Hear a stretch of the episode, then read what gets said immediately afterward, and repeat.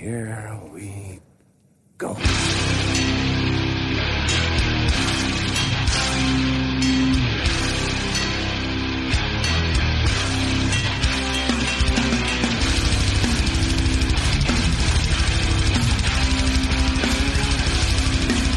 Där då, vi är tillbaka.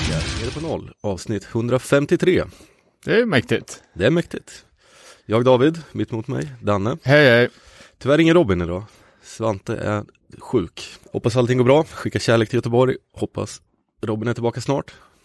Och Svante är frisk, frisk och kry. Eh, vi hade ju tänkt att göra en, eh, spe- ett specialavsnitt här om en ganska så tacky hardcore das hiphop-samling från 2000-talet. Eh, vi kommer inte, inte... bara lite tacky, 100% tacky. Kan bli ganska kul dock.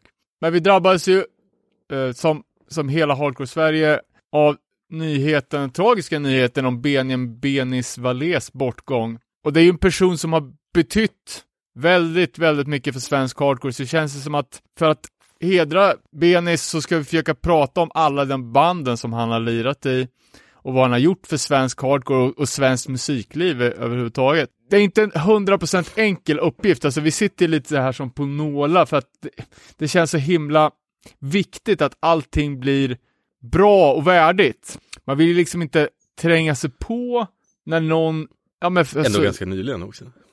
precis, samtidigt som att det är ju, vore ju så jävla konstigt om vi inte pratade om det eftersom har ju ägnat åtta år av våra liv av att prata om hardcore. När det händer en sån här grej så måste vi ju försöka göra det på, på ett så hedervärt sätt, sätt som möjligt. Varken du eller jag kände väl honom egentligen personligen. Nej, Men ändå en påverkan på ens liv. ja, verkligen alltså.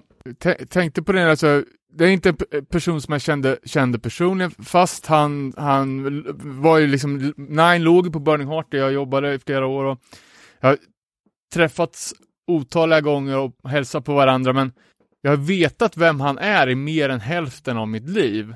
Lite som, som jag fick klart för mig när vi gjorde Linköpings hardcore-avsnittet, att Benis var en så otroligt viktig del av framväxten av Linköpingsscenen på 90-talet. Han var liksom den första personen, eller en av de första personerna som från den nya generationen som, alltså som fanns kring, kring skylten och de banden som blev extremt viktiga för oss, som är liksom en generation yngre. Med, eh, med band som Outlast och Nine till exempel, som, som var startskottet till den extremt stora Linköpingsscenen med alltså 20-tal aktiva band eh, så blev ju Lin- Linköping liksom ett nav i hela mellansverige. Alltså skylten och Linköping Hardcore var ju som ett andra hem för oss från Örebro de åren när vi inte hade någon scen och jag antar att ni i Motala kände samma sak.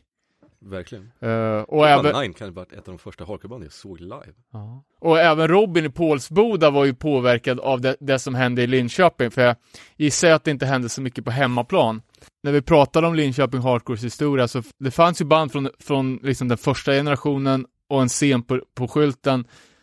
Men att det Benis gjorde med sina tidiga band, Gregory's Edge och Chopstick, vart liksom startskottet för den scenen som frontades av till exempel då Outlast och Nine som, som byggde scenen för oss. Och det här är ju någonting som, alltså de här åren var så otroligt formativa för, för mig personligen och har ju, har ju betytt extremt mycket. Alltså det har ju förändrat mitt liv. Eh, och det kanske inte hade blivit någon scen överhuvudtaget i Linköping om inte Benis med till exempel Chopstick hade eh, liksom inspirerat Outlast för att starta. Hardcore-scenen är ju så extremt liten så det räcker ju att en eller ett par personer gör någonting så får det, så blir det liksom som ringa på vattnet och får andra att göra någonting som får två personer att starta band, som får fyra personer att gå på spelningar och sen så blir det någonting. Eh, och vad vi har förstått så har ju, var ju Benis inte bara en väldigt bra musiker och extremt kreativ och spelade i en jäkla massa olika genrer så fantastiskt mycket olika band. Alltså vi, vi har fått, eller så känna till eh, massa nya grejer som vi inte hade hört tidigare. Eh, men det som alla säger också är att han var så jäkla bra person. Alltid med, med ett skämt och ett eh, skratt och ett leende. Men även att han var en sån god förebild också, var schysst mot de yngre och att han var en person som, ja men som uppskattade att all andra ville vara med och ta del. Mm. Fast han var en av de liksom äldre personerna i scenen så var han alltid där mot de yngre och peppade och eh, supportade och det, det är ju någonting som är så extremt viktigt liksom när det finns en, jag menar, en förebild, en föregångsfigur som kan få, få en scen att blomstra istället för att det blir något så här elitistiskt skit när folk liksom bara hackar ner på, på de yngre. Har du lyssnat på de demobanden någonting? Ja, eh, faktiskt. Eh, när vi gjorde Linköping specialen så hade jag bara hört om, om banden eh, till namns. Eh, men jag fick, fick tag på en samlings, eh, kassettsamling med Linköping Hardcore som eh, både Chopstick och Gregory's Edge är med på. Jag lyssnade också igenom den. Jag antar att det var alla låtar. Eh, det vet jag inte, alltså, det verkar vara, jag, vi har frågat flera personer om det här, eh, och det verkar vara lite hult i dunkel, liksom de här bandens historia. Ba eh, Gregory's Edge och Chopsticks släppte en split-demo med varandra, eh, och någonstans tidigt 90-tal, kan vara så tidigt som 91, men någonstans fram till 93-94. Eh, och det, det som jag kommer att tänka på direkt är ju att det låter jävligt modernt. Faktiskt. För att vara så gammalt ju. Ja, för det här är ju liksom ett av de absolut första banden i det liksom så här svensk 90-tals hardcore-soundet. Och jag säger, båda är ju, det låter ganska lika faktiskt. Ja, faktiskt. Men det är alltså bra svensk 90-tals hardcore, väldigt bra. Och det låter fan modernare än vad många andra band från Linköping lät långt senare.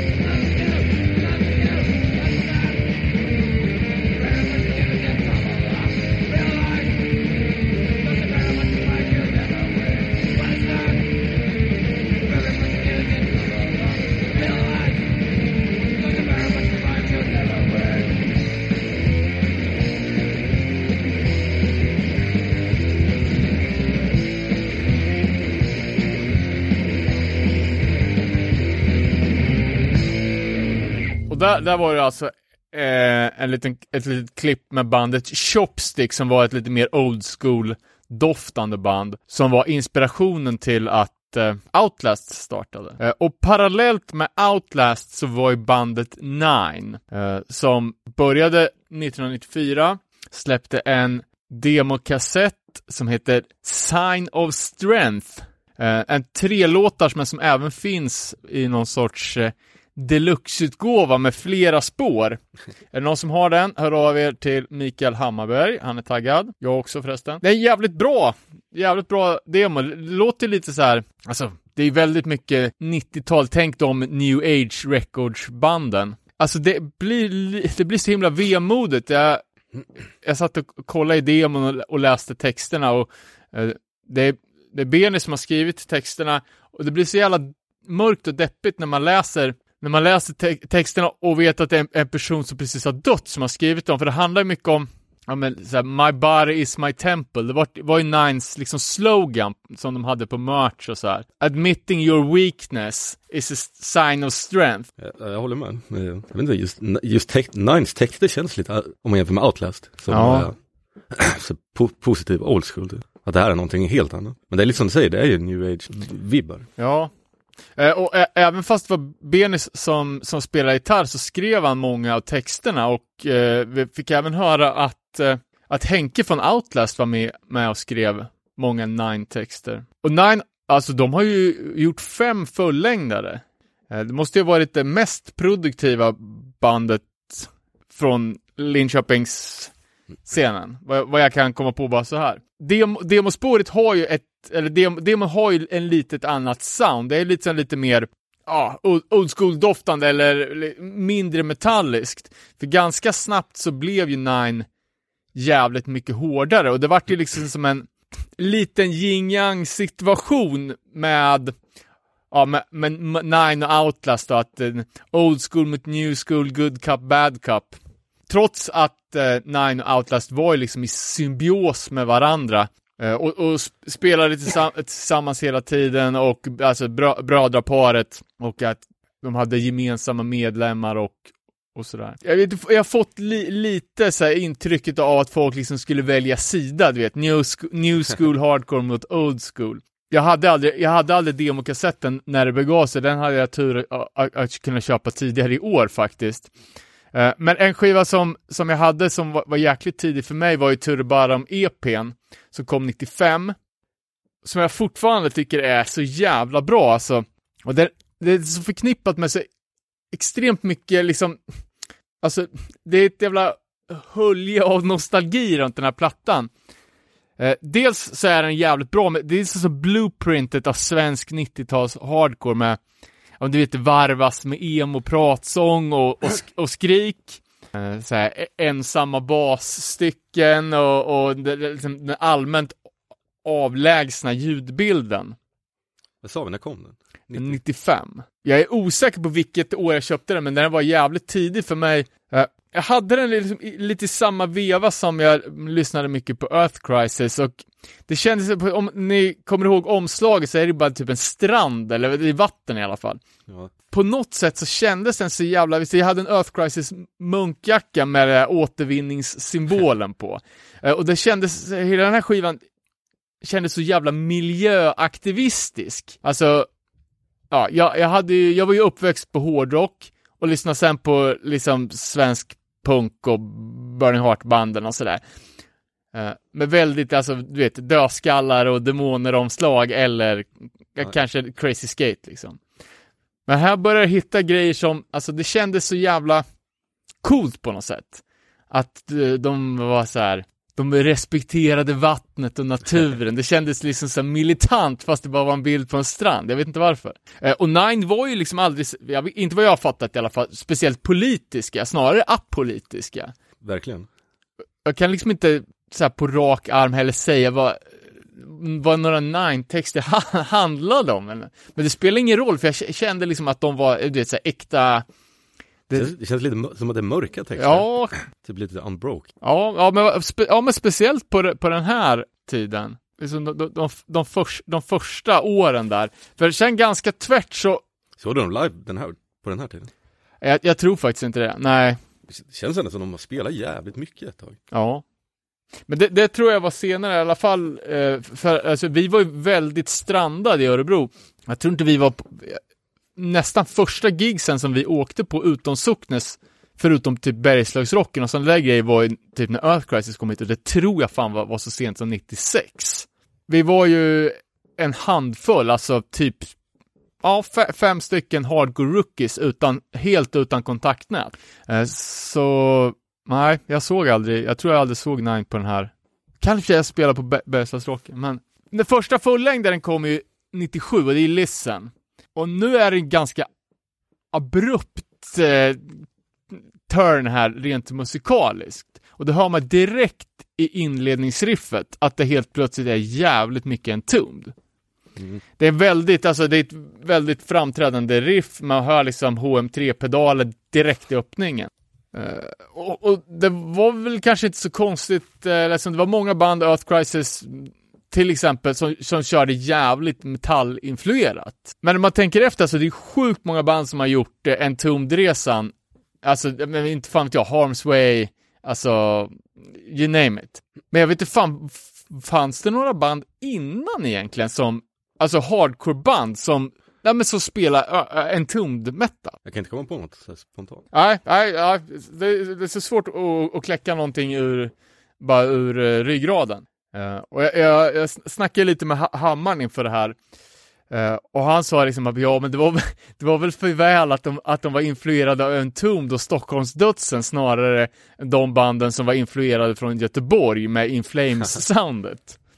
det är precis så. Och det känns ju som att just det här soundet har åldrats betydligt bättre. Uh, men också att Nine, ja de låter som Nine. Det är ganska, så här, oavsett i vilken era man, man tar en låt så vet man vad det är för band. Eh, och just med det här Entombed-soundet på den här tiden att eh, för, för jag kommer som sagt från metal och Entombed var ju mitt favoritband innan jag började lyssna på punk. Så jag tyckte ju att det var guld. Men jag vet att de som inte kom från metal utan kanske hade lyssnat på, ja, na, äh, kanske inte ens hade lyssnat på musik överhuvudtaget. Eh, de var jävligt skeptiska. Jag kommer Refused, Fireside och Entombed gjorde ju en turné i Sverige. De bland annat spelade i Örebro. Eh, och då mina polare som var, som var där så bara, ja men Refused är Gold, Fireside, ja de är också bra, men Entombed, vad är det för jävla skit? Alltså, det är så här, du vet, avdankade hårdrocksfarbröder, liksom, de fattar inte grejen. Alltså lite sluskigt på något sätt. Ja, eh, så jag, jag, tror att liksom gemene hardcore kid som kanske hade kommit in via ja, men de snälla Burning Heart-banden var ju absolut inte redo för varken Entombed eller band som lät som Entombed. Och vi såg eh, att, att, att skivan var inspelad hos Fred Etzby eh, som eh, lirar i Dismember och, som, och massa andra klassiska Centinex och som hade proddat den här, så det var ju liksom en riktig dödsmetallproduktion. Uh, och jag bara fundera på hur den här togs emot när den släpptes. Uh, för Nine blev ju såklart, alltså de blev skitstora när de hamnade på Burning Heart. Och det var ju mycket tack vare att Burning Heart hade så förstklassigt distributionsnät. Så de hade ju skivor ute i varenda butik i hela Europa. Men jag skulle vilja veta liksom om till exempel den amerikanska hardcore-scenen kände till Nine 96. Känns inte som det. För den här plattan släpptes ju på Star Tracks. Uh, som även gjorde tidigare Refused. Uh, och vi hörde ju att, att uh, just under den här tiden så jobbade Benis på skylten. Vi hörde om en beryktad kritningslista, men också att alla hängde på skylten jämt. och omslaget till den här första Nine-plattan gjordes av en grafitkonstnär som hade sin ateljé på skylten. Den är rätt snygg. Alltså.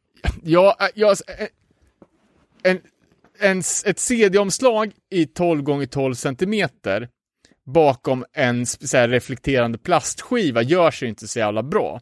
Eh, men jag tittar på det här omslaget nu faktiskt och den är ju den är jävligt cool. Men jag tycker att, alltså, man, jag har aldrig, jag har bara sett den som något brunt liksom. Jag har inte ens tittat på den, fast jag har haft skivan i 25 år. Kanske, ja, det kanske finns någon reissue nu, men inte då i alla fall. På creditsen så finns det även på bas då, karaktären Pingu, eh, som, som, eh, som också var Benis eh, smeknamn. Lite som den här, eh, Sveriges motsvarighet till Dale Nixon, vad som spelar bas med Black Flag. Andra plattan då, Kissed by the Misanthrope som kom 98, är väl den som jag tror att de flesta håller som den bästa Nine-plattan. Jag får lite Shape of Punk to Come-vibbar. Jag tycker det känns som att de försöker vara lite progressiva. Jag vet fan. Det är, det är ju ganska mycket liksom eh, komplicerade riff och strukturer och så har de, inte, så här, vet man har ett plaströr på fingret, heter det slide-gitarr eller vad fan? Ja. Jag tror en sån liksom på första låten som inte är så vanligt inom hardcore. Det kan vara inspelad av Miesk. Ja, ja, eh, det är möjligt. Eh, jag hade, eh, det är några, några, familjer som brukar eh, ha halloweenfest varje år. Eh, då är en eh, eh Claes Dahlén, som var, var, med på den här festen i, i fredags, och så hade jag eh, Nine-demon på, ligga framme på min, mitt kassettdäck. Och så bara, ah, Eh, bara, jag, jag är ju tackad på Nine-skivan. Jaha, ja, då hade ju Klas varit släppt in dem i studion eh, när Miesko var för bakfull för att komma och öppna. Så då hade han fått ett, ett, ett tack på skivan. Så det, det kanske var på den här. Då. Eh, Mark skickar även in och tipsar att den, skivan låter lika bra på 33 som på 45 varv. Eh, så kan man ju testa om man har om man har LP-varianten. Uh, och e- e- en låt som, som sticker ut lite på det här är ja, inte titelspåret, men låten som heter Misanthropic, som är en jävla fireside-känsla. Det känns lite fireside över hela grejen. Ja, gör det det? Jag har aldrig tänkt tyvärr. Men den låten med lite sån, ja men verkligen fireside-sång. Uh, sen gjorde de en sp- split med ett spanskt band som jag aldrig, aldrig hört faktiskt. Jag knappt att jag visste om att den fanns. Jag hade också missat den helt.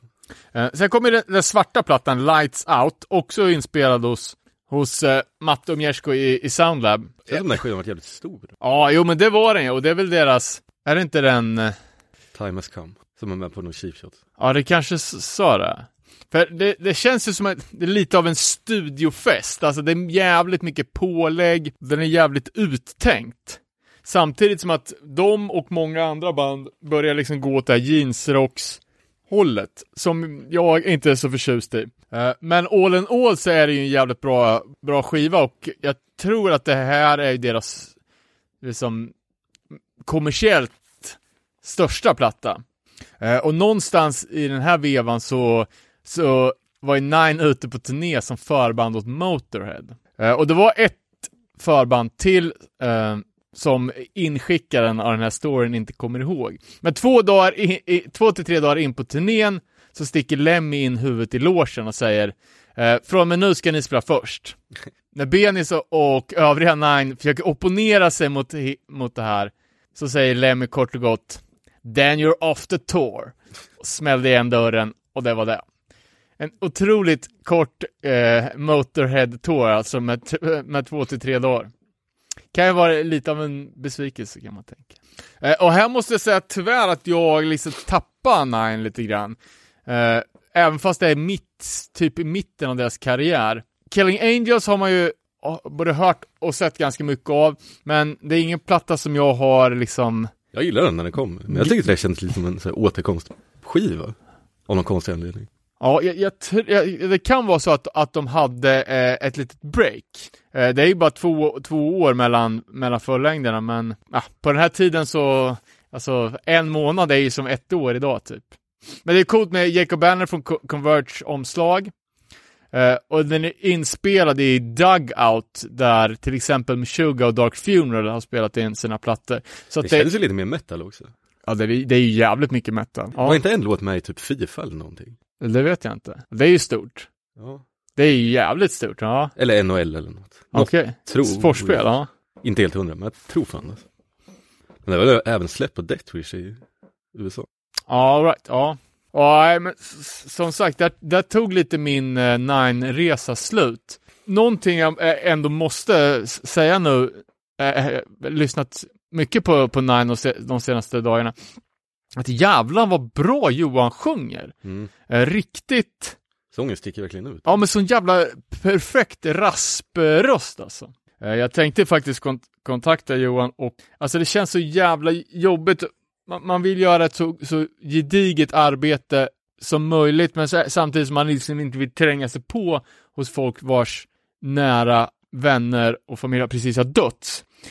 Och jag, när jag såg att Johan hade skrivit liksom på, på, på Instagram att bara jag saknar ord, Mm. så kände jag bara jag kan liksom inte, ja, jag, jag vill inte gå där, men jag hade det i tanken. Det var intressant att, att höra från honom också om hur, ja men alltså om hela Nine-resan, för fem fullängdare, flera turnéer liksom och ett av de största banden egentligen av svensk, alltså hård hardcore. Alla andra hardcoreband släpper en skiva och sen lägger ner. Ja. De har ändå hållit på i, vad blir det? Ja, 25 år. Ja, det är helt sjukt. Eh, ett annat band då som har extremt kortlivat, Bonds of Trust, släppte en sjua endast, en split med Söderköpings Finest, The Cursed. Lite konstig split-grej. Ja, faktiskt. Eh, jag har inte riktigt förstått A Cursed storhet, men jag vet att det är ett band som jävligt många dyrkar och den här A Cursed kassettdemon är typ den mest eftertraktade hardcore-kassetten. Eh, släpp på sjutummare av eh, Rodrigo från Satanic Surfers. Och jag har liksom inte riktigt förstått mig på vad, vad, vad det var de ville göra, för det här känns som en platta som kom, den kom 98, precis mellan två jätteeror i svensk hardcore. Jag tänker det tidigare som var liksom Youth Crew Revival med Floor Punch, In My Eyes, den typen av hardcore. och det sena, eller tidiga 2000-talets liksom power violence med sån hardcore attack, stök, speed, hardcore sound. Och någonstans så kom den här skivan liksom med vad jag upplever som fötter i båda i båda fårorna. För samtidigt som att det är riktiga liksom gorillatrummor, dugga-dugga-riff och liksom en låt som heter Floor Punch liksom, så jävla så jävla mycket Youth Crew och väldigt så, testosteron i Youth Crew. Hammar ska jag bara, ja men det här är ett band som startades för att det, det skulle liksom vara tufft.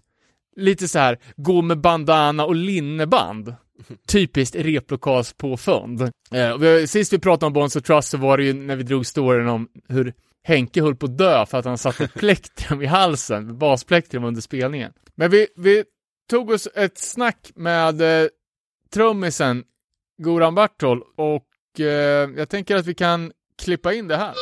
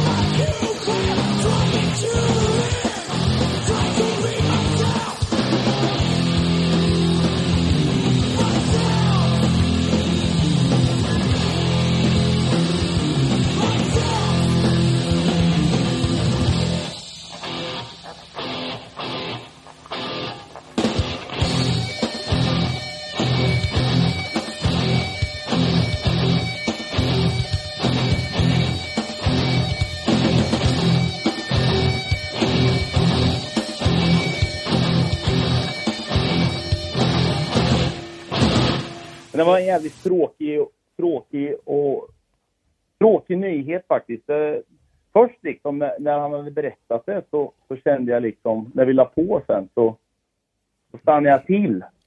Och då fick jag liksom så här grejer som man tror att man, att man har glömt bort. De bara liksom flashar förbi. Det är något så här konstigt i hjärnan. Jag vet inte. Det var liksom som att det var igår vi träffades. Och där vi liksom gick in i en replokal och latchade och bara hade så kul. Och det var liksom inte så mycket mer än så. Men sen så gjorde vi det här liksom rätt ofta. För Benis hängde mycket. Han jobbade lite på fiket. Samtidigt som jag jobbade där. För jag drog ju dit direkt, alltså Skyltenfiket. Jag drog ju direkt, direkt efter skolan drog jag dit. Och så hjälpte jag till och så var det väl någon konsert. Det var ju alltid någonting som hände på Skylten. Ja. På 90-talet. Så att det, och det var ju där liksom vi, vi skapade våran, liksom, våran vänskap. Det var ju när vi liksom började jobba med varandra. Sen, man visste ju vem Benis var, man sa hej hej och så. Men just då, vid det tillfället då när jag jobbade där, praktiserade lite extra på skylten, eh, så, så, så, liksom så här, var jag så peppad på att starta liksom ett, ett, ett band som inte lät som något annat band liksom som jag har spelat med eller liksom Och det var ju då liksom vi kom upp. Men, men det tog ju en stund också innan, innan, Bones of Trust vart liksom Bones of Trust.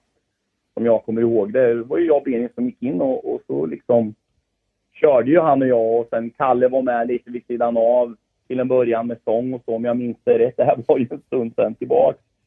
Och så tog vi in Henke Lindqvist på bas och Henke, han, han kunde ju inte, han kunde ju inte spela bas. Men han vart ju bättre, det vart han ju, men han hade ju svårt för det. Men han tyckte det var kul och vi tog inte rätt himla seriöst liksom på, på, på den här biten med, med basen liksom. Det ska bara, det ska vara någonting som mullrar i, i, i, bak, bakgrunden, heter det. Men vad, vad var tanken att ni skulle göra för, för typ av band? För att, för mig, jag diggar ju sjuan som fan när den kom och gör det fortfarande. Men jag har liksom inte riktigt kunnat pinpointa vad det är, för för det är jävligt ja, men... mycket Youth Crew, samtidigt som det ja. är jävligt stökigt också. Nästan lite Power ja. Violence eller Käng-hybriden. Ja. Det var ju liksom så här, vi älskar ju alla Madball. Vi vill ju ha ett tungt Madball-band, men det fanns så många Madball-band där ute liksom. Så vi sa att ja, men vi, vi vill ju ha någonting som låter, ja men det ska vara lite, lite käng, fast ändå inte käng. Sen vill vi att det ska vara väldigt skitigt ljud, feta gitarrer, väldigt mullriga, mullrig bas och någon bra jävla sång liksom. ja men det var liksom så snacket gick. Och Benit gillar ju, han gillar ju verkligen att spela liksom den här riviga, skitiga punken liksom. Det märktes ju för att han, han sket ju ut riff som en annan liksom. ja, ja, jag vet inte vad jag ska jämföra med, men han är ju, han är ju, han är ju mästare på att liksom göra punk och hardcore. Det var han ju liksom. Han var ju duktig på det. Och det var ju så lätt liksom, han var så lätt att spela med. Han gjorde ju mig bättre liksom, för att han hade, han hade, han, han, han hade ju så mycket bagage sen innan.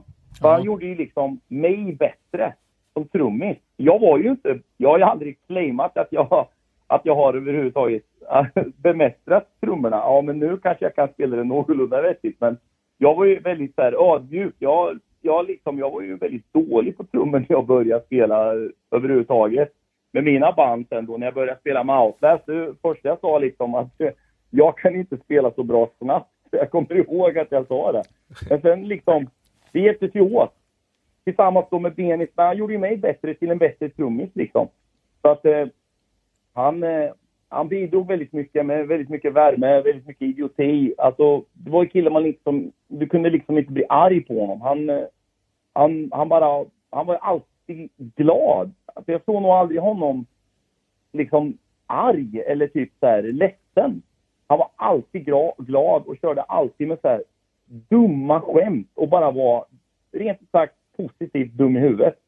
Och vi var ju där, Linköping var ju en sån scen då, vi körde väldigt mycket med ironi. Kände man inte oss så trodde man att alltså Linköping är ju helt jävla dumma i huvudet. Vi hade ju vi hade ett ganska dåligt rykte, om jag kommer ihåg det rätt, runt om i Linköping. Att vi, ah, eller förlåt, i Sverige, inte Linköping, runt om i Sverige, att vi, att vi var lite så här dumdryga. Fast när man väl lärde känna oss så var det ju liksom, det var ju bara skämt allting. För vi, vi, vi, vi höll ju på så själva med allt och alla. Jag kommer ihåg när vi mötte, vi mötte PK-patrull från Umeå, vi mötte PK-patrull från Stockholm, vi mötte PK-patrull från Malmö och det ena och det andra. Men vi körde ju våran jargong.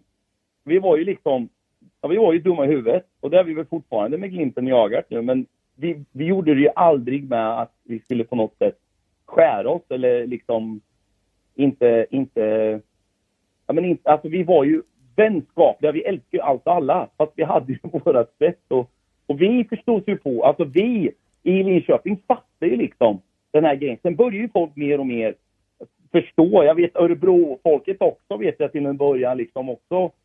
Äh, det var några som bara, alltså, är, är ni helt, är ni friska i huvudet liksom? Men vi, vi, jag tror vi hade något unikt, fast väldigt positivt, negativt, positivt unikt. Jag vet inte liksom hur jag ska förklara det. Men, du, ja. du Nej, men det blir lite in, in, internt och förstår inte folk liksom den interna jargongen så kan det ju uppfattas som lite exkluderande kanske. Absolut. Men sen, eftersom vi hade så ofta spelningar, så kom ju samma folk alltid till Linköping, eller vi åkte till, till, till de ställena där de kom ifrån, så man träffades hela tiden. Men då fortsatte ju samma jargong, samma ironi, det var ju liksom oftast samma skämt. Då fatt, började ju folk fatta liksom. Det var ju många som tog vid och tog efter med att ja men vad fan, de är ju helt dumma i huvudet. Fast de är ju, det är ju bara ett glatt gäng. Liksom, vi liksom var ju harmlösa hela gänget. Men det var många som, vet jag, uppifrån i landet som, som tog saker och ting väldigt, väldigt negativt, kommer jag ihåg, till en början. Och sen så liksom förklarade ju vi, jag var några, vid några intervjuer, och då liksom var det en helt annan grej. Men jag vet inte varför. Jag vet inte vem det var som startade den där vågen av, av sättet hur vi liksom hanterade och hur vi pratade med folk i Linköping. För vi var ju väldigt... Alla är ju speciella på sitt sätt runt om i Sverige inom olika hardcore... Alltså, Jo, men så det stad man var ifrån var ju familjärt och de hade sin lilla grej. Och vi hade våran lilla grej, kan man säga. Kan man inte säga så? Jag tror det. Ja. Eh, Men du, när vi gjorde den här Linköpings Hardcore specialen, då vart jag lite förvånad i alla fall över att, ja men band som Gregory's Edge och Chopstick som jag liksom bara hört nämnas, Ja. eller då, att att det var Benis och hans band som var liksom förelöparen till hela 90-talsscenen. Ja. Stämmer det? Det, ja, det stämmer. Det stämmer. Det gör det. Och, vad, Och jag vad- var inte ens med. Jag Ah, var inte okej. ens med på den tiden heller. och Jag när var det inte här? med. Vad sa du? När var det här? Tidigt 90? Åh, alltså, nu är jag osäker, men kan det vara 92, 91, 90, 91, 92 där någonstans? Kan Ja, det säkert ja. vara? No, det kan det säkert vara. Jag var inte med. Jag kom ju med i slutet av 94. I slutet av 94 kom jag in i hardcore-scenen. Kom jag in. Eh, och vet, vet du om något av de här banden var för, körde de samtidigt eller var det ena före det andra? Jag är faktiskt väldigt osäker på det, vet du det, Daniel? Jag, jag, jag vet faktiskt inte. Jag, jag är nog fel person att fråga just den eran. För den eran, den hardcore-eran tillhörde inte ens jag, vet du. Jag förstår. Så att, eh, nej, jag är osäker. Så att jag inte säger någonting fel. Men, eh, Ja, därför jag fick, ju tag, jag fick ju tag på de här eh, demolåtarna. Jag vet inte om det är alla, men de finns ju med på eh, den första Uprisings LKPG-samlingen. Ja, Och det, det det låter ju jävligt modernt måste man änd- ändå säga. Nästan mer aktuellt än eh, vissa av de andra senare Linköpingsbanden. Ja, ja det stämmer. Um, så det det var lite, lite för, förvånande.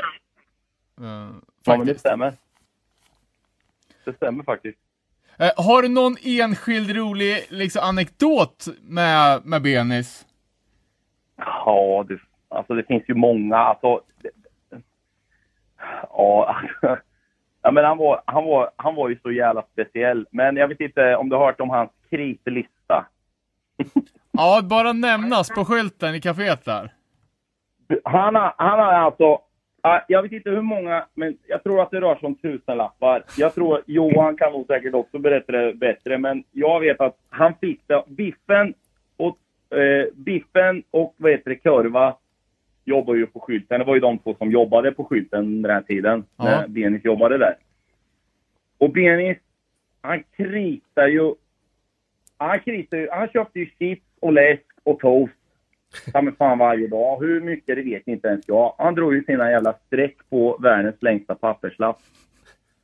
Och, och, och han fick ett minne av, av, av, av biffen ja, i slutändan. Jag vet inte om det var i slutet av skylten eller om det var när han slutade eller någonting. Men han fick, jag har för mig att han fick hela den där kritlistan inramad. och jag har till och med för mig att han betalade av hela den där skulden. Och det var ingen liten skuld. Och får du tänka på att han köpte toast, läsk, chokladbollar. Det var det han köpte. Och han hade den längsta jävla kritlistan. Alltså det, det är så sjukt. Och du vet, han, att han höll koll på det. För han drog ju de här strecken, suddade ut och satte dit extra. Och vi bara, vad fan gör du nu? Ja men du vet, det är kritlistan. Men när ska du betala? Ska du betala? Ja men jag ska göra det nästa månad. Det är liksom, och det liksom fylldes ju bara på hela tiden. Men sen i slutändan fick jag ju höra att han faktiskt hade betalt hela den här kritlistan, om jag, om jag säger rätt nu. Men jag har att det var, jag vet inte vem det var som det. Ja, jag tror, det kan ha varit Johan, det kan ha varit Henrik, jag vet inte. Ja, Men att han väldigt förstående personal där på skylten i alla fall. Vad sa du? Det var väldigt förstående personal då i alla fall. Som lät Ja, han hållas. Jo, men det var det. Men det var, ett, det var ett skönt och glatt gäng. Men han, han betalade lite ibland liksom så här. La in några extra lappar, extra pengar liksom i kassan. Och då strök han några, strök han några av sina streck, vet jag att han gjorde liksom. Men den där liksom, den, den vart ju aldrig, den vart ju aldrig liksom helt vit. Alltså han hade ju liksom aldrig, aldrig, under den tiden vi jobbade så fylldes, fylldes det ju bara på liksom. Men, ja, nej. Jag tror att, eh, jag tror att Dennis och de, eller förlåt, Henke och eh, vad heter det, Kalle och Johan vet lite mer om den där listan. Men jag, jag såg ju den, den, han var ju alltid på den där listan. Den fylldes ju på hela tiden. Eh, tillbaka till Bonds då. Eh, hade ni några planer på att göra något mer eller blev det bara den där sjuan? Ja, det- grejen är så här. Jag vet inte hur många spelningar vi gjorde. Jag har för mig att vi gjorde kanske, kan vi ha gjort, kan vi ha gjort 30 spelningar eller? Ja, det är möjligt. Jo, 10 till 15 har jag hört, men du var ju med i bandet Ja. så. Ja. Ja men, ja men det kanske vi gjorde, eller jag kanske säger för mycket. Vi kanske gjorde 25 då. Ja men säg någonstans där. Någonstans där kan vara rimligt. Men vi rörde oss ju inte så mycket utanför Östergötland i varje fall. Vi gjorde några spelningar i alla fall utanför. Men eh, vad, var, vad, var frågan? Ursäkta, nu kom jag av med. Ja, men, nej, men om, om ni hade några andra planer eller lite varför det bara Just blev det. en sjua? Eller finns det något mer Alltså- inspelat? Nej, det finns inget mer inspelat vad jag vet. Vi, hade, vi, gjorde, vi gjorde ju ganska många riff, gjorde vi ju. Men sen så liksom, det var aldrig någonting som... För, för Benis, för ben, eh, Kalle var ju också involverad och riffade. Riffade, vad heter det, med, med Benis. Men, men sen vet jag att det var många, det var många, vad heter det, det var många riff som vi inte använde. Okej. Och vad vi gjorde av dem, det vet inte ens jag än idag. Det, det kom aldrig upp på ytan. Ja, vi, efter sjuan så... Vet inte, det känns så... Jag har för mig att allting bara rann ut i sanden. Eh, och jag kommer inte ihåg hur det där slutade riktigt, om, om, om, du, om du frågar mig nu. För helt plötsligt så slutade vi bara spela. Alltså, det var liksom färre och färre. Och sen till slut så ja, var det bara slut. Vi, jag tror inte ens vi hade någon sista spelning om jag för mig. Eller hade vi det? Men ni gjorde någon reunion i kaféet va? Ja, det, det kan vi... Ja. På 2010-talet? Ja, för, vi, för grejen är att vi hade ju en Bonds of Trust eh, Messenger-grupp. Vänta. Ja, den har fortfarande kvar det. Och det här är från alltså... Det, det, här är så, det här är så kul är det. Det måste jag faktiskt... 14 oktober 2018, 17.25. Eller, jag ska... Eh, ja, jag ska hänga med Pingu imorgon. Så kan vi kolla RIF och så vidare. Ronny frågade om Outlast. Jag svarade nej. Benis. Ja, vi riffar imorgon. Han frågade om vi ville spela på VL Montage, men jag sa tvärnej. Sämst ljud, sämst scen. När, när vi gör vårt första gig på årtionde så ska det fan vara bra förutsättningar. Kommer aldrig spela på det där båtjäveln igen. Skitställe. Eller, nej, vi får plocka ett gig som låter kul för alla. Jag vägrar också båten. Så det är typ den sista konversationen och det här var 2018. Ja, fan jag visste inte att det var Elle med alltså. Ja, eller var med i slutet. Istället för Henke. Nej, istället för, eh, istället för Björn. Han spelar ju gitarr. All right. Eller spelar gitarr. Björn spelar ju, Björn spelar ju först, gjorde han ju gitarr. Ja.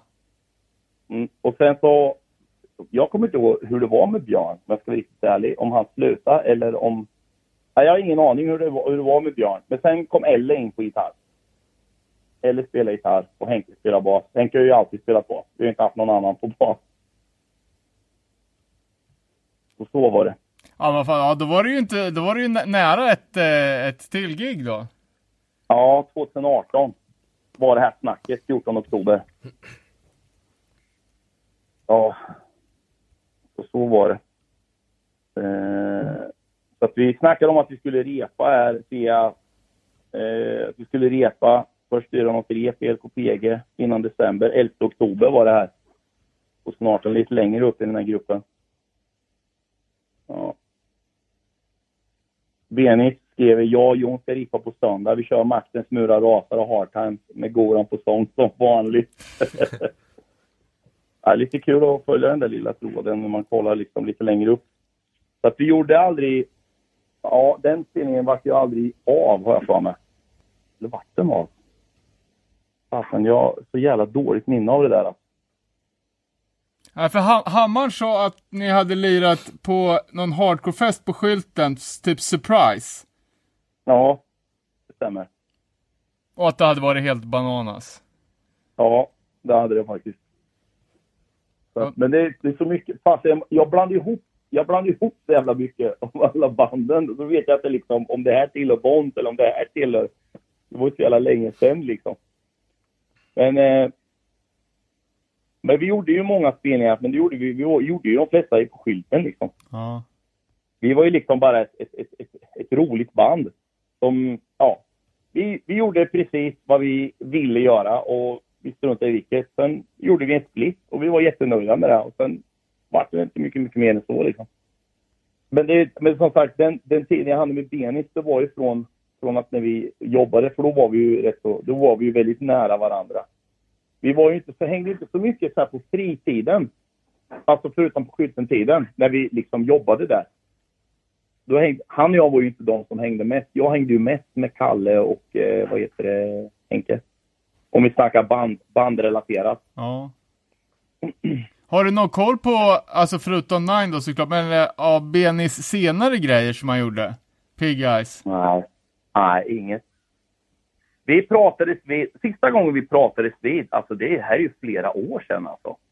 Och det var uppe i Stockholm på en spelning. Jag, ärligt talat så kommer jag inte ens ihåg vad det var för spelning jag var på. För Benis och jag, när, när han flyttade upp till Stockholm, alltså då, då var ju liksom, han var ju där. Alltså så man träffades ju om det var en spelning och han kom på spelningen. Det var ju då. Ja. För att när jag åkte upp, när jag åkte upp till Stockholm så var det ju... Ja, jag skulle träffa någon annan uppe i Stockholm. Alltså, det var liksom inte att jag skulle träffa, träffa Benis. Utan vi var ju inte så här... Alltså utöver den tiden vi hade runt Bond och Trust-tiden så var ju inte han en av dem som jag umgicks med, vad ska man säga, På tumman hand. Idag, ja, idag till exempel, eller efter. Alltså vi, det var ju den tiden vi spelade med Bond som vi verkligen hängde. Det var ju just för att jag jobbade där lite extra på Ja. skylten. Så att, eh, ja. Det är ju ett tag tillbaks, fasen.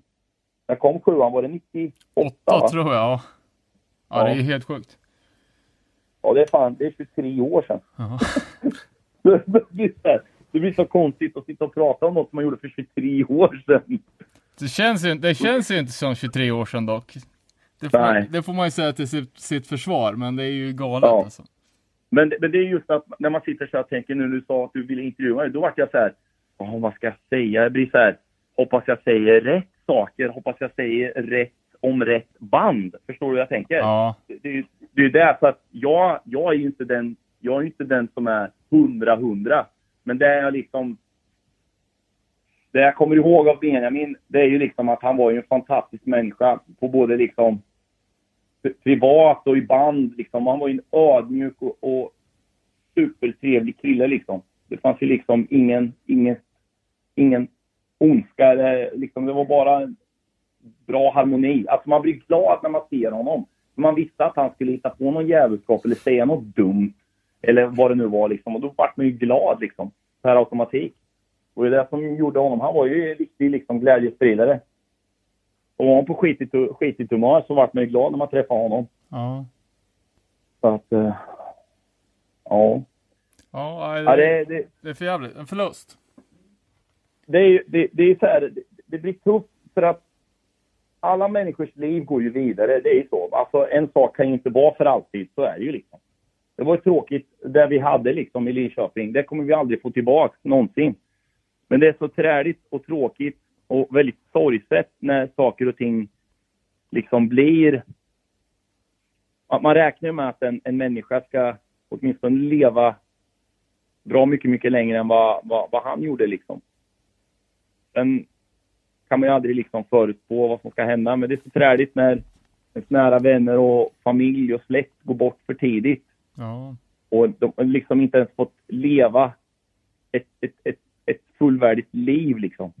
Det är det som jag tycker är det mest tragiska och sorgsna med, med allting liksom. Det har, det har liksom ingenting med att hardcore-scenen är död. Man vill ju att alla människor som man umgicks med som tonåring ska lyckas och ska ha det bra och, och, och må bra framför allt. Det, det är ju så. Och sen när vi la, la på telefonluren, och återigen, då, då var man ju väldigt, väldigt ledsen liksom för att ja, det, det, det är så tragiskt och ja. Jag blir, jag blir, jag vet liksom inte vad jag ska... Jag Nej, nej det, det, det är tungt. Det är, det är, det är svårt att, att, fi, att finna ord alltså. Det är, eh, men jag upp- uppskattar att du tog dig tid att prata med oss. Vi har ju... Det känns ju som att någonting som vi ver- verkligen måste göra liksom vårt allra bästa för att visa vår respekt den här gången. För att Berens Han är- han har var- betytt så otroligt mycket för svensk hardcore. ja. Och Han för sina han vänner och familj såklart. Absolut. Han var ju en betydelsefull och alltså han var, han var han var en riktigt, riktigt god vän och sen var han en väldigt duktig musiker.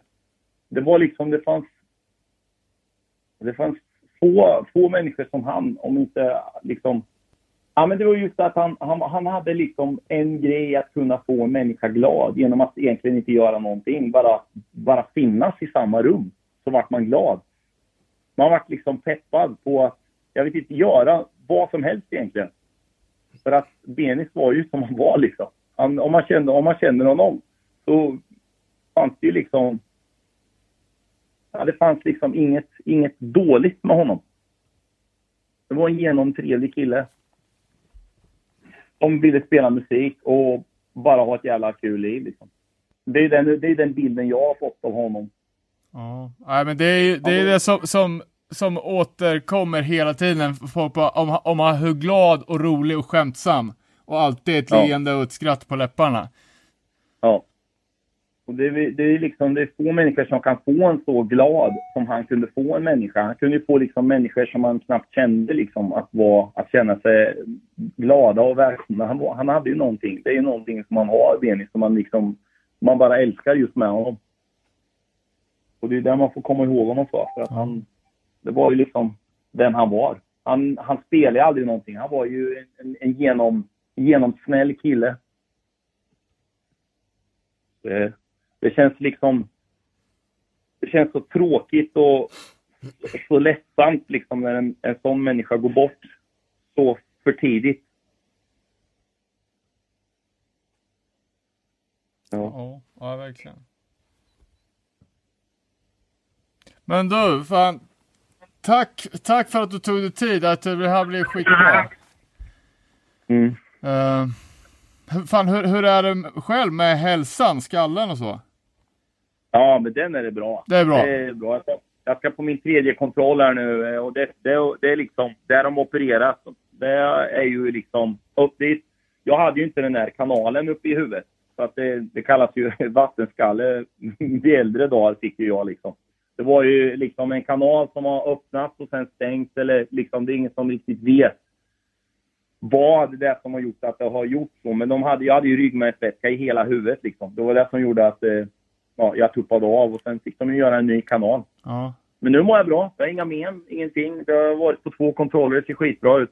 Så att, eh, Ja, ja, men det är Ja. också en sån där grej som gör en påmind om ens egen dödlighet. Att helt plötsligt så Ja. står man bara ska köpa en macka och sen så svimmar man av liksom. ja. Ja. Ja, det ja, vi... men det är just det. Livet är för kort liksom. Alltså, det är inte så att man ska kanske bli någon sparkärring och spara för någonting, utan man ska leva livet också. Man behöver kanske inte bränna hela sin lön på två dagar, men man kan, man kan unna sig lite grejer också, för imorgon kan det ju liksom vara för sent. Alltså det, det, det är så många människor som har gått för tidigt. Jag kan bara liksom relatera till min morsa. Liksom. Hon var 54 bast och rökte ihjäl sig. För att liksom, på den tiden när folk började röka, då visste ju inte folk hur farligt egentligen det var. Så det är liksom heller ingen ålder. Men Det är så här, folk går för tidigt. Alltså de kan vara, de kan vara fullt friska. Och sen, ja, nästa dag så är de inte vid liv. Nej. Jag menar, jag är fullt frisk. Jag kunde ju liksom ha dött med. Om jag inte hade fått den hjälpen så hade inte jag levt nu heller. Så att liksom, livet är för, för, för skört. Man ska, nog, man ska nog ha kul i livet så gott man bara kan innan, innan det faktiskt är för sent. Man kanske inte ska, man kanske inte ska tänka liksom som att jag ska leva som att imorgon är den sista dagen i mitt liv. Men ja, Ja, men nej, det tå- tål att tänkas på alltså. absolut. Det gör det ju definitivt. Men du, hoppas Jag att vi kan träffas face to face på något roligt gig här snart. Det tycker Det är jag. fan på tiden. Det tycker jag. Tappa Linda massa skit här ute.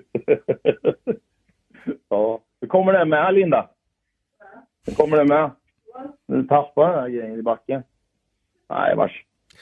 Nej, men jag hoppas att det har varit till någon typ av hjälp eller vad jag ska säga eller till vad det här. Ja, men superbra. Det känns som att är ju- vi, vi behöver... Ja, men just den här gången så vill jag inte bara sitta och spekulera och halvgissa och du vet. Det- Det Nej. känns skönt att ha, ha ta hjälp av folk som faktiskt, som faktiskt kände, kände Benis och som var med Och på jag är riktigt. lite så här, när jag är osäker, då säger jag liksom, då är jag osäker. Jag tänker inte börja gissa heller liksom. Det, det, här, det här innan, alltså innan, hardcore-tiden innan jag var med, det visste inte jag så mycket liksom om. Mer än att jag, jag vet ju vissa vilka som var med, men Ja. jag var ju inte själv med då liksom. Ja. Och likaså det här med, med, med grejer runt om i Benis liv. Det har inte jag så mycket. Utan jag kommer ihåg den tiden vi hade på skylten att vi liksom, vi drog några toast, vi snackade skit, jävlades med folk. Vi pissade i handfatet, tyckte det här var kul.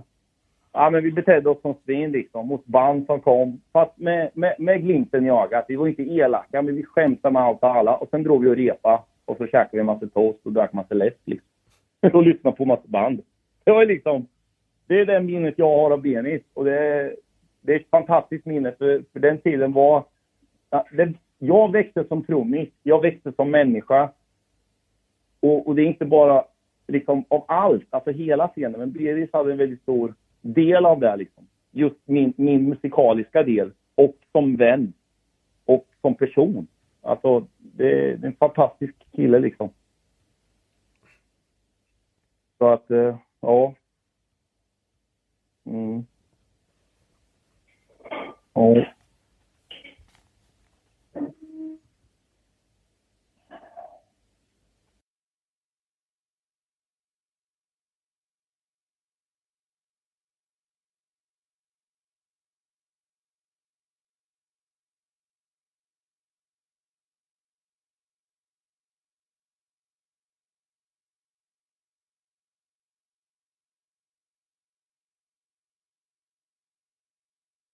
Och, alltså Bonzo Trust var väl ett, alltså, relativt okänt band. Jag vet inte om, om folk har hört det, men jag tänker att vi kan klippa in en, en liten snutt så, så får folk höra. Eh, jag fick ju kommentaren inspelat av professorn i Mjölby, därav ljudet.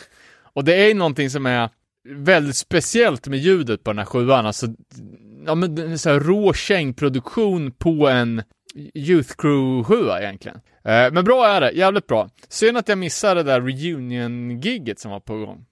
Eller det som var, det som vart av på, i kaféet på skylten. Hur som helst, Bonds och Trust. Lyssna och njut.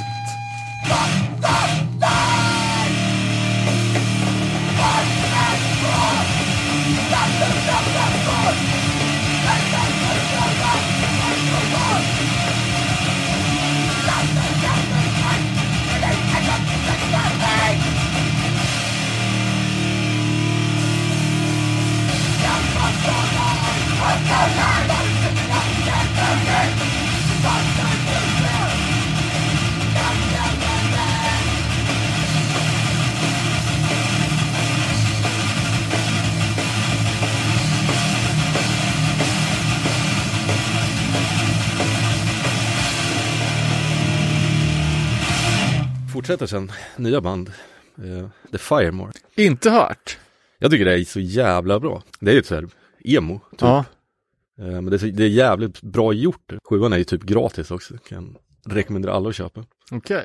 Ja, nej, men det, det ser man väl återigen liksom Benis, alltså mångsidighet som, som musiker. Att från Nine då som var liksom dödsmetall-influerad, metallisk stenhård hardcore och sen är det då ett stickspår med lite, med, med ah, eh, Youth Crew möter punk, sen direkt på ett emoband. emo-band. Och vi fick, eh, vi fick en önskan från, från Hammar om att vi skulle spela upp låten Night Creepers med The Firemark.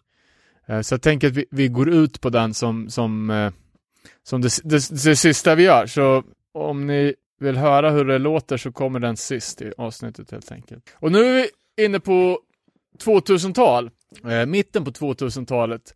Eh, och här har vi band som jag skulle säga i Sverige var ett av de absolut mest välkända och eh, flitigst, flitigaste banden eh, i den svenska hardcore-punken och det är Nitad. Det kändes som de var jävligt stora. Ja. Ja men det, vi pratade lite om Nitad med, med Larsson när han eh, hade Nitad som första släpp på Denial Records. Och att det var ett band som alla gillade. Det är liksom... Hardcore-punkare. Ja men rocksluskar, ja. Och att... Eh, jag, har inte, jag har inte riktigt tänkt på det förrän, förrän nu faktiskt, men att de, de var lite pionjärer i två trender samtidigt som blev väldigt stora på, på sent 2000-tal. Eh, och ett då var ju att de var tidiga ut att köra på svenska. Det var ju de och, och Hårda Tider som, som bildades typ samtidigt. Och det var väldigt, väldigt ovanligt att band körde på svenska. Det är nästan omöjligt. Ja, och att det blev väldigt coolt, inte bara något trall jox. Ja, äh, precis, för att det är så jävla... Och det är så utlämnande liksom, när man ska försöka vara, vara allvarlig och tuff samtidigt. Det finns liksom inget att gömma sig bakom när man skriver på svenska. Eh, äh, och Nita då som bestod av, förutom Benis, Modde som tidigare hade kört i Bad News och eh, Social Pressure. Benke som eh, kommer att vara med i typ alla Benis band från och med nu. Eh, och Viktor från eh, lirar väl med de här eh, Dims Rebellion tror jag innan. Eh, Nita släppte i alla fall hela nio sjuor om jag räknar rätt. Två LPs plus lite samlingstapes och eh, jox. Namnet taget från Moderat likvidation-låten, Nitad? Frågetecken. Moderat likvidation 7 återsläpptes ju typ samtidigt som en sjua med, eh, eller under namnet Nitad. Slump eller inte? Ehm, men helt klart ett av de största svenska banden, Hardcorebanden på 2000-talet. Ehm, och jag uh, var i kontakt med modden nu under, under veckan och frågade lite om bandet. Och det så intressant att veta vad de hade för, för tanke när de startade Nitad. Ehm, just med att de var liksom ja men de gjorde eh, ja, men två ganska nya grejer. Dels att de körde på svenska, men också att, de, att det var väldigt mycket liksom retro och lite så här finsmakar hardcore. Om du förstår vad jag menar. Det fanns ganska många band som, som gjorde så här hardcore punk med väldigt mycket tillbakablick eh, i typ USA och, och Kanada. Liksom band som eh, Career Suicide och 86 mentality med, med flera, government warning och sådär. Att man liksom tydligt drar referenser till lite mer så, oh, men, lite ob obskyrare grejer och sen att det är jävligt punk fast det inte ser så punk ut om du förstår vad jag menar. Det är liksom inte tuppkam och nitväst utan det är ju 100% jeans och t-shirt. Och jag frågade Modde hur, ja men hur idén till, till Nitad kom. Och hur det kom sig att jag ville, och då säger han så här. Eh, hur det kom sig att jag ville sjunga på svenska hörde till att vi var på en efterfest hemma hos min vän Alex, som spelade trummor i Tysta Marie. Vi hade även ett band tillsammans som hette Bad News, som senare blev Social Pressure. Uh, han spelar upp en demo av sitt gamla band som kör My Threat-cover på svenska. Jag är inte helt hundra, men jag tror det var Adam Nilsson som sjöng. Uh, eh, minnet kan svika. Uh, men där skrev han i alla fall ”Jag vill inte höra ditt jävla skitsnack!” Direktöversättning från, från Mind Threat då, och det var typ det coolaste jag hört. Just den sekunden så insåg jag att jag ville spela US Hardcore på svenska. Och trots att jag hade lyssnat på Missbrukarna och Mob 47 så fattade jag inte ens förrän då. Hur så? Veckor senare får jag nys att... Hur så? Uh, eh, några veckor senare får jag nys om att min vän Benke vill starta ett punkband i stil med Angry Samoans. Jag gick fram till honom på ett gig uh, det var 86 Mentality i Stockholm för att vara exakt. Och sa någonting i stil med uh, Jag kan sjunga i ditt band på ett villkor. Om jag får sjunga på svenska. Och då svarar Benke typ Ja, du får göra vad du vill. Och några, några dagar senare så var jag, Benke och Viktor och Benis i replokalen och the rest is history. Eh, men David, vad, vad har du för relation till Nita då? Jag vet inte, jag, lys jag, jag lyssnade jävligt mycket på det ett tag. Typ när, det, ja, men när de var som störst. Gillade, gillade du det direkt när det kom också? Jag, tror, jag, jag har ju de första sjuorna, men jag, jag skulle säga att, alltså, du vet, ett sånt där band som, de var, det var så jäkla uppenbart, alltså de släppte nio sjuor, man, man hängde liksom inte riktigt med i, i tempot. De var alltid där, man såg dem i live massor med gånger. Eh, men jag ser, såg ju nu när jag kollar på, på katalogen hur jäkla mycket de har gjort. Eh, och att de har kört i så jäkla många olika stilar egentligen. Eh, alltså, från, från det tidiga, som, alltså det är lite rockinfluenser och sen så blir det ju, alltså mitten eller första fullängdare är ju lite åt fucked up-hållet, alltså lite så här Anthem eh, mäktighetspunk liksom. Eh, och de sista grejerna de släppte är ju sten och det är ju nästan käng liksom. Och däremellan så finns det ju liksom inslag av ja, men, flum och, och råpunk och rock och såklart en jävla massa hardcore punk. Eh, men någonting som, eh, som var kul med, med Nita var ju också att det kändes som att de var ett av få svenska band som fick ett internationellt genomslag. Eh, och just liksom bland de här finsmakarkretsarna, där det är liksom helt jävla omöjligt att slå sig in. Eh, De släppte ju på jävla massa olika bolag och eh, skivbolag i sex olika länder om jag räknade rätt. Eh, och flera av de bolagen var ju liksom de ledande inom typ cred eh, retro hardcore. Till exempel No Way Records som, som drevs av eh, Brandon, Rest in Peace från, från Government Warning och Direct Control som släppte liksom, mm, ja men nästan de coolaste grejerna på den. Det är så Boston Strangler, Impalers, Nightbirds, alltså såna grejer som har, som har blivit skitstora, var han ju tidig med att släppa. Eh, sen släppte de ju även eh, en CD-only-split med kvoteringen. Det var ju lite, lite otippat. Eh, och sen så släppte de ju på eh, Deranged Records från, eh, från Kanada eh, som även släppte Fucked Up då, som vi nämnde, Career Suicide och 86 Mentality. De var ju även jävligt flitiga med att vara, vara ute och gigga, inte bara här i Sverige, utan de gjorde en ja, amerikansk turné. Eh, och de spelade i Brasilien och de, tror, gjorde, gjorde tre svängar i ute i Europa. Eh, Och vi fick ju höra om att eh, det hade satts upp någon benefitspelning för Nita här hemma i Sverige efter att de hade kommit hem från en USA-turné. Eh, Och där de hade varit i trubbel med rättvisan.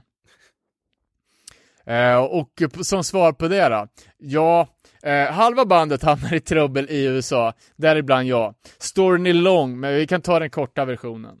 Eh, Vi var i Pittsburgh och spelade hemma hos Christina och Jim som sjöng i Annihilation Time.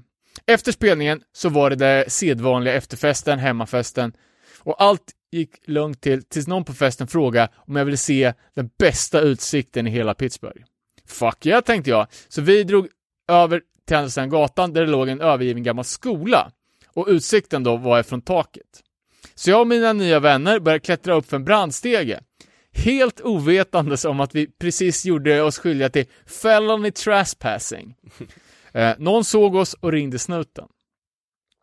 Eh, det hela slutade med att jag och mina vänner fick åka polisbil in i finkan och jag fick sitta i arresten i 36 plågsamma timmar. Jävlar. Sen betalade mina bankkamrater borgen på 100 dollar och fick ut mig. Eh, vi missade ett gig på turnén. Eh, och det finns mycket mer att berätta om, om den upplevelsen, men det får vi ta en annan gång.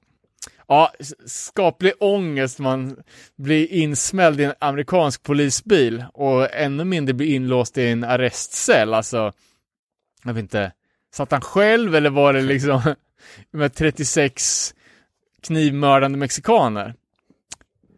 Känns ju också som att det där blir trubbel livet ut sen.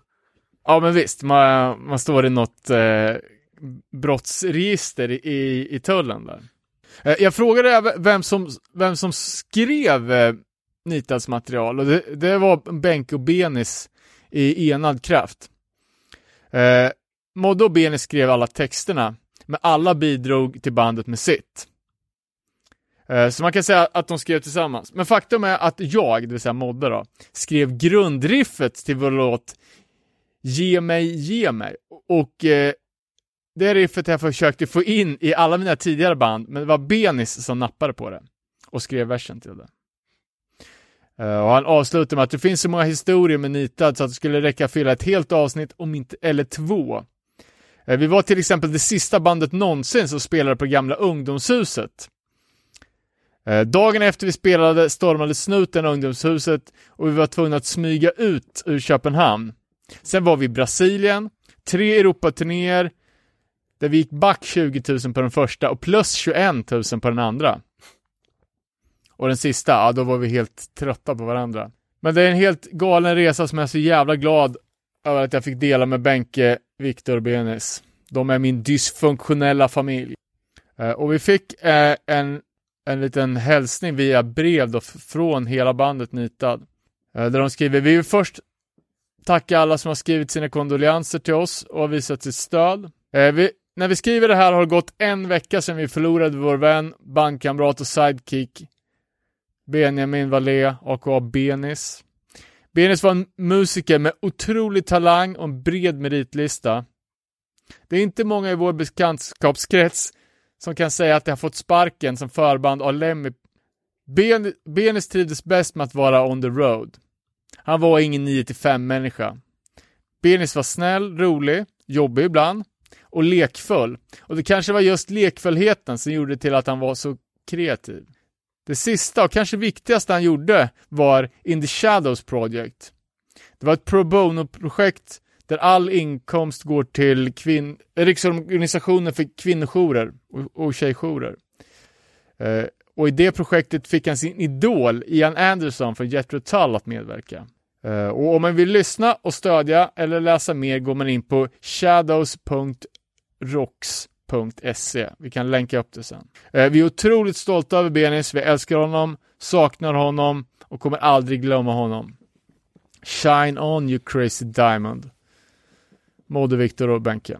Eh, och det där med, eh, de skriver att han var snäll, rolig och eh, jobbig ibland inom parentes. Kommer jag tänka på, som Hamman berättade, att han tillsammans med Elle hade, de jobbade på en terroristhandbok Eh, där de skulle liksom lista olika tips på hur man skulle kunna jävlas med sina medmänniskor och, ha olika pranks och sånt. Eh, och eh, han beskrev det som en stor tragedi när hela, hela den här boken vart delitad från skyltens gemensamma hårddisk.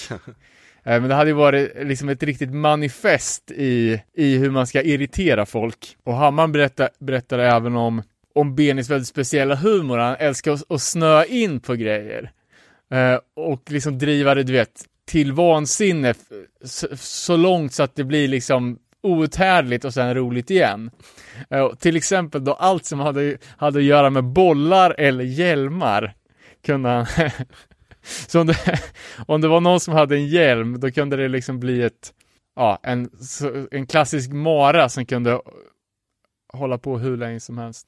Uh, det finns ju sjukt mycket att säga, säga om Nitat, ett av Sveriges 2000-tals absolut viktigaste band. Jag tycker att man ska gå in och kolla upp katalogen och, och, uppdatera sig på, på alla släpp, för det finns mycket och faktiskt i, i ganska, ja men ganska olika typer av, av låtar också.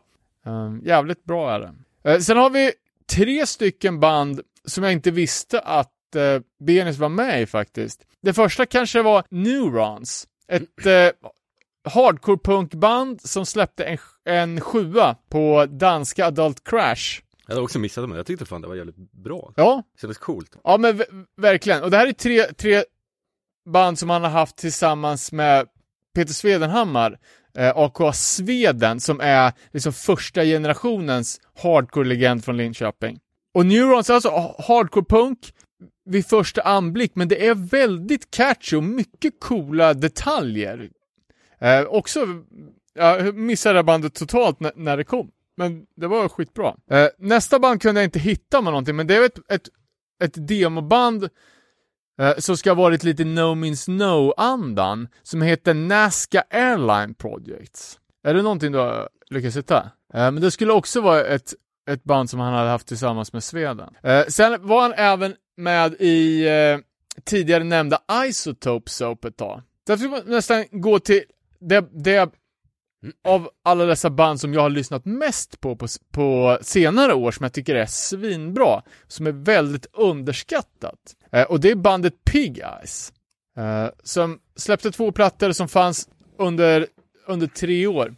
Och det här får man nästan säga att det är någon sorts förlöpare eller startskott till Viagra Boys, för att det de gick liksom från, ja de, de, de rör sig liksom realmen av postpunk, det finns lite stoner, det är lite kraut, det är lite futuristiskt, lite surf, men den typen av, eh, ja men, eh, reverbig dynamik.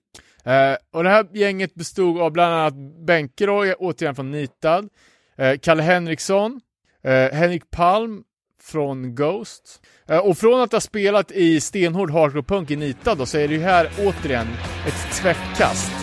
Eh, och jag tycker, ja, Piggas är svinbra. Jag tycker vi klipper in ett, ett, ett spår här.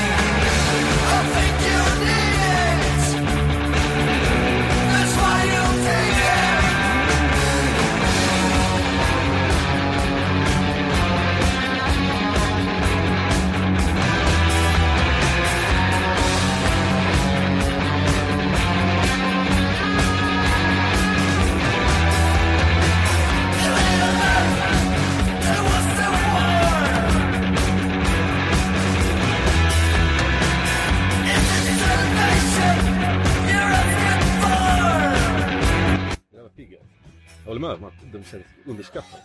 Ja, jag, jag tycker det är supernice. Det är ju så här, ja men perfekt att åka bilmusik eller någonting, så sitta och lyssna på eh, ensam i natten.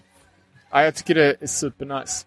Eh, men man förstår ju också hur, om man lyssnar på Viagra Boys så hör man liksom att det här är det som kom, kom innan. För att det, jag tycker det mot slutet blir väldigt, eh, väldigt snarlikt och just det här liksom att basen får, får ta sin plats. Benis var ju liksom aktiv i, eh, i det svenska musiklivet under fyra decennier.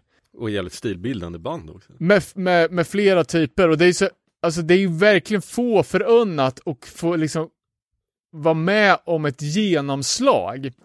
För få band från våran scen och våran miljö har ju liksom blivit så uppmärksammade som Viagra Boys. Ett band som, som jag tror vi golvades lite av när, när, jag vet inte om det var det första de gjorde, men den här promovideon på Research Chemicals från första tolvan kom upp på YouTube. Det är ju en sju minuters one take video, det är väl någon pr promovideo tror jag. Det är en snygg video. Ja, när, när, när, när sångaren går på, går han på krogen på Söder typ och eh, står och sjunger i baren.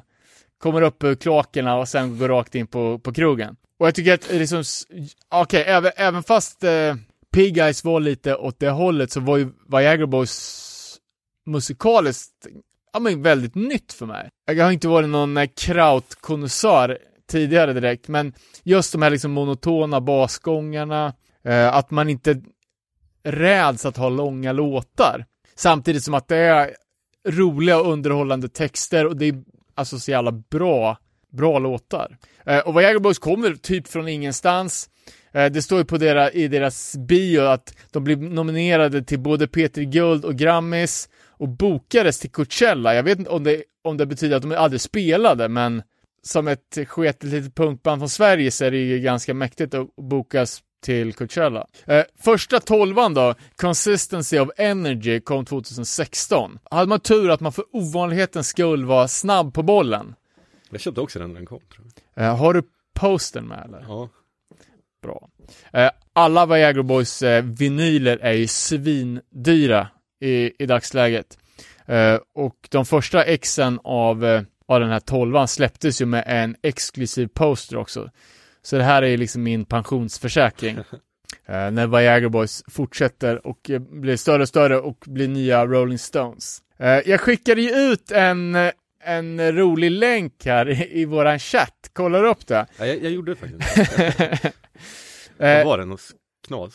jag kan väl bara, alltså, man kan ta det jag säger med en nypa salt ganska ofta, men kolla in Frias-bandet IH3 och låten Grismask. Det är en upplevelse. Det här är ett sidoprojekt från med Viagra Boys-sångaren Sebastian Murphy. Det är lite speciellt. Eh, Viagra Boys-loggan är ju snodd från eh, Rebel Truth-loggan. Yin Yang-symbolen, ja.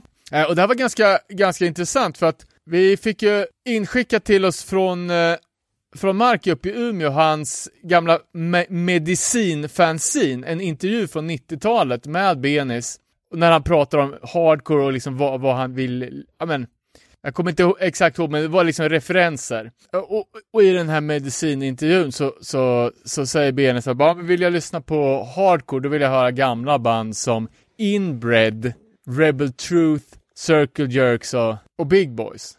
Och det är så, jag tog ju upp eh, Rebel Truth som ett exempel på underskattade band som hade me- gått mig förbi, ja men typ för två år sedan. Eh, och det är ett svin, svinbra eh, West Coast Old School Hardcore band som låter som ett hårdare Bad Religion. Men att Benis hade koll på det här på 90-talet, ett band som släppt en sjua och medverkat på några obskyra samlingar innan internet. Det kan säga lite om vilket djup han hade liksom i sitt old school hardcore eh, intresse. Eh, det om det. Första LPn då, Shrimp Season kom 2019. Eh, släpptes på vinyl av Year 001 Records va?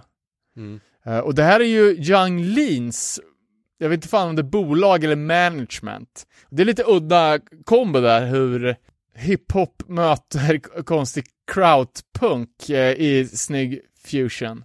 Eh, jag såg att vinylen släpptes endast i Japan och ligger nu på, på ett par tusen kronor. Det känns ju som att band som Viagra Boys drabbades extra hårt av pandemin när de var verkligen på väg mot toppen och just när de eh, var, var på den nivån att de spelade liksom riktigt stora ställen som de verk, verkligen stängde ner. Eh, de släppte ju utan Benes, tror jag va, eh, den sista plattan Welfare Jazz i januari, alltså mitt under br- brinnande pandemi. Det är lite skumt att de eh, gjorde det och inte tajmade in den när de skulle kunna följa upp med turnéer. Men det kanske var så att, att läget såg ut att det skulle öppnas upp.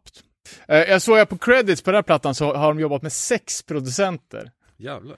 Men jag, jag tycker fortfarande Vi- Viagra Boys är, är jävligt bra underhållande. Det är, det är ju liksom lite så här feel good bakgrundsmusik tycker jag. Eh, tycker att det, Ja. det första var så jävla mycket mer hittigt. Jag gillade den senaste skivan. Ja, jag, jag gillar, gillar, gillar det också, men det, fan, fan, det, är, svårt att, att slå de där gamla låtarna, tycker jag. Men det är som jag, som jag sa liksom innan vi, när vi skulle komma in på, på Agro Boys, liksom, som har spelat och Benis har spelat i, i en massa sketna punkband och harvat på så jävla länge och sen helt plötsligt så lossnar det. Alltså det händer, det händer ju inte folk. Och liksom, han var ju över 40. Det är inte så många som, som får ett, liksom en, ett break i rockkarriären efter 40. Men eh, jag, tråkigt, jag vet inte att, att eh, Benes hoppade av och det, han hade sagt det som kommentar på, på det här som att det kändes som att turnerandet hade negativt negativ effekt på hans sociala liv. Man fattar att det är Alltså, Viagra hade ju också säkert lite rykte om som var stökiga, att det var ganska jobbigt att turnera sådär jäkla mycket. Och det fanns väl liksom ingen ingen hejd på förfrågningarna heller. Avslutningsvis då så kanske vi ska, eh, någon skickade in eh, In the Shadows-projektet som verkar ha blivit sista han gjorde. Det var något stödprojekt för Riksorganisationen för, Kvinnojourer och tjejjourer. just det, lyssnar du eller? Ja, eh, det var alltså som eh, tipsaren Tom Parens skrev, så det är ju inte hardcore, men jag tyckte det var jäkligt, jäkligt bra. Det är ju väldigt stämningsfullt, fint, det är ju väldigt, väldigt orkestrerat med, med stråkar och massa olika instrument. Och då även eh, idolen Ian Anderson från Jethro Tull på, på flöjt. Och det känns ju så, alltså, alltså superflummigt att ha flöjt, men det är ju, alltså det passar jäkligt bra, det är ju, det är nice. Texterna är ju skrivna av Charlotta Björk och, och det är Benis då som har skri skrivit all, all, musik och det här är ju liksom ett väldigt, väldigt, alltså super välarbetat stämningsfullt projekt. Eh, texterna känns ju ganska mörka också, verkar ju handla om liksom mäns våld mot kvinnor. Eh, så, så det, är liksom, det är ju ett vemodigt vackert mörker. Det det känns ju jävligt deppigt att det här är liksom hans, den sista grejen också i och med att det är så, så svart. Uh, vi har även en annan liksom, musikalisk svensk legend, Jojje Wadenius på, på sologitarr. Jag har ingen riktig koll på, på vad han har gjort, men han är ju liksom super, alltså Janne Schaffer-läge på, på, på han. Alltså det, det verkar ha varit eh, bra uppslutning bland liksom musikeliten för, för det här projektet. Om vi ska börja runda av lite kanske. Som vi sa i början, en eh, person som varken du eller jag kände, kände egentligen, men ändå har påverkat en, ens liv jättemycket. Under så lång tid också. Ja. ja. det var ett väldigt svårt avsnitt att göra. Vi hoppas att vi har kunnat gett någon typ av rättvisa till Benis gärning och det här är ju våran hyllning till den musik han har gjort. Precis, och det han, har gjort, gjort för oss även om det har varit indirekt så har jag haft en, en stor påverkan på våra liv och jag är övertygad om att det är väldigt, väldigt många som, som, som känner som oss.